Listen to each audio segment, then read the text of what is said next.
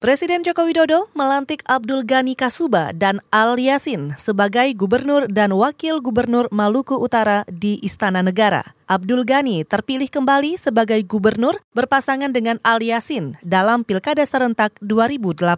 Demi Allah saya bersumpah akan memenuhi kewajiban saya sebagai gubernur sebagai wakil gubernur dengan sebaik-baiknya dan seadil-adilnya memegang teguh Undang-Undang Dasar Negara Republik Indonesia tahun 1945 dan menjalankan Saudara Abdul Ghani Al Yasin ditetapkan sebagai gubernur dan wakil gubernur Maluku Utara setelah menang gugatan di Mahkamah Konstitusi. Mereka mendapat 176 ribu suara, unggul tipis dari rivalnya Ahmad Hidayat Mus dan Rifai Umar yang memperoleh 175 ribu suara. Abdul Ghani Al Yasin diusung PDI Perjuangan dan PKPI.